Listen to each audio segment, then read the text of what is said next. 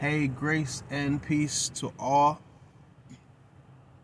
Listen, I just wanted to get on to remind uh, some of you that God cares for you, that God loves you,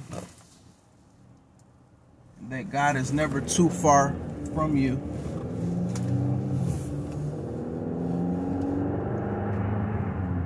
Um, so often in life, uh, many would to get troubled and down on their journey because they feel as if God is far from them. And in all actuality, God is right there with you. Scripture declares that God will never leave nor forsake. Always I will be with you. God, God is there. The question then becomes on the journey, how often do we intentionally reach out to God and what we do? I think intentionality has to be um, something that is a part of our everyday lives. Intentional about praying, intentional about reading the Word of God, intentional about building community because you can find God in your neighbor when that neighbor is invested in Christ and has a relationship with Christ. So I, I, I, want to just remind you, I just want to confirm within you that God loves you. It does not matter how dark it is right now. It does not matter what's going wrong in your life. It does not matter the circumstance. God is with you. To know that God is with you is to know that you have a faithful Savior who will never leave you, who is always by your side, who is protecting you. David says it like this in 23rd Psalm Yea, though I walk through valley of the shadow of death, I will fear no evil, for thou art with me.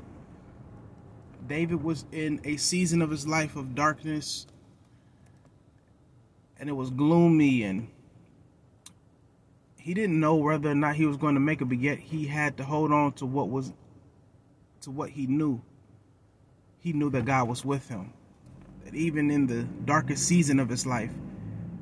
And somebody needs to hear that because you're going through the darkest season and you don't know how you're going to come out of this. You don't know how you're going to make it. You're struggling with trying to figure out what the end will entail. You're trying to figure out if the promise that was spoken over your life is going to manifest and come into fruition. I want to tell you to hold on to God. If God declared it over your life, God will bring it to pass. A lot of times, what I understand and realize is that the process that we go through, it gets troublesome. It causes us to get heavy, causes us to question and doubt because we don't know whether or not we're going to make it. We don't know when it's going to happen. We we, we go through and we say, God, we why do I have to continue to go through darkness? Why do I have to continue to go through challenges? Well, it's a part of the Christian journey to suffer, to suffer for the sake of Christ Jesus, and understanding that when you humble yourself, that's when God can exalt you. God is working it out for your good. The Bible declares that you have to go through the furnace. The furnace job is to purify you. It is to burn every unpure contaminant that causes you to look like the world.